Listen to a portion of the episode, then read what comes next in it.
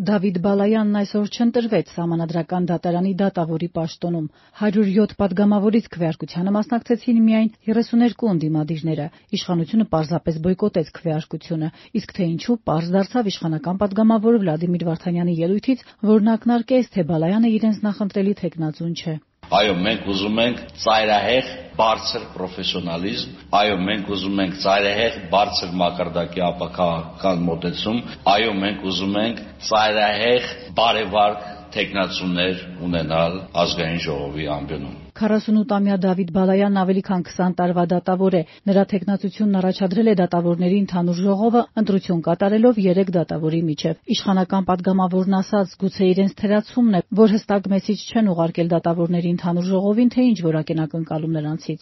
«Մեր թերացումներից մեկն է, որ մենք դատավորների ընդհանուր ժողովին չենք ներկայացրել, թե մենք ինչ որակներ ենք պահանջում Սահմանադրական դատարանի դատավորից, որպեսզի դատավորների ընդհանուր ժողովն էլ համապատասխան որոշում կայացնի, հակառակ դեպքում ինստիտուցիոնալ անհարգանքը շարունակվելու է։ Մենք շատ հստակ պետք է լինենք օրենսդիր իշխանություն, դատական իշխանություն հարաբերությունների շրջանակներում։ Բալայանը հակադարձեց Վարդանյանին։ Ինչ վերաբերվում է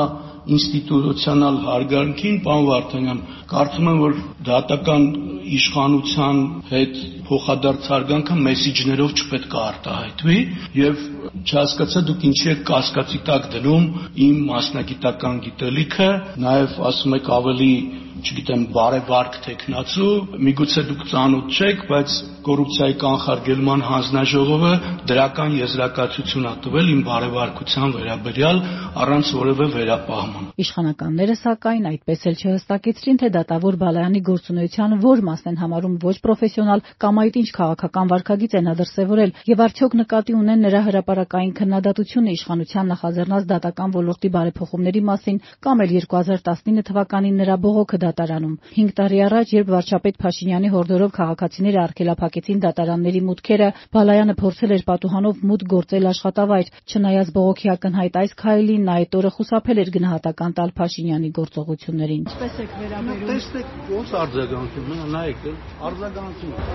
Սա ինչ հետևանքներ կարող է ունենալ։ Իրան նախաձեռնողներին հարցրեք։ Չէ, դուք որպես դատավոր։ Ես ես գործը վաղ կարող եք քննեմ, ինչ իմանամ, չեմ կարող դա այդում։ Այսօր, երբ Իրան փոփիչ ելույթի ժամանակ Բալայանը դիմեց իշխանական պատգամավորին՝ «Հարց ունե՞ք», միջամտեց ԱԺ նախագահ Ալեն Սիմոնյանը: Պարոն Բալայան, այլ հարցեր չեն կարող, սա ձեր եզրափակիչ ելույթն է, բայց դուք ժամանակ ունեք 10 րոպեից ավել, խնդրեմ, եթե ինչ-որ մտքեր կան… Իրավունք չունեք հարց տալ, հա, տենց է կանոնակարգում: Դե օրենքով է շնորհում, մեր մոտ օրենքով ա, չգիտեմ որտեղ ոնց, կանոնակարգ, սահմանադրական օրենքով այս պայդրությամբ ձեր եզրափակիչ ելույթն է։ Այ եթե ընտրվեմ, տենց փոփոխության առաջարկ լինի,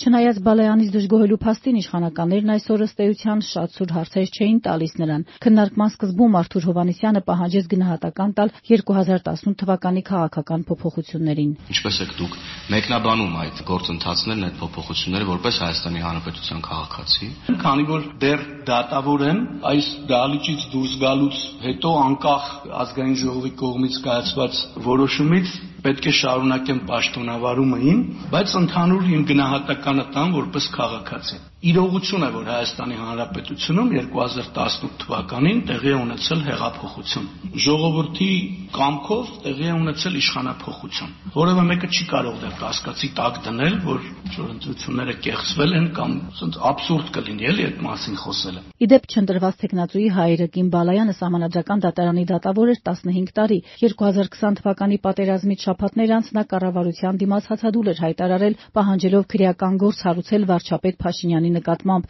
Պնդել էր, որ հրադադարի նոյեմբերի 9-ի եռակողմ հայտարարությունը իրավական ուժ չունի։ Նաիրա Բուլղադարյան, Ազատություն ռադիոկայան, Երևան։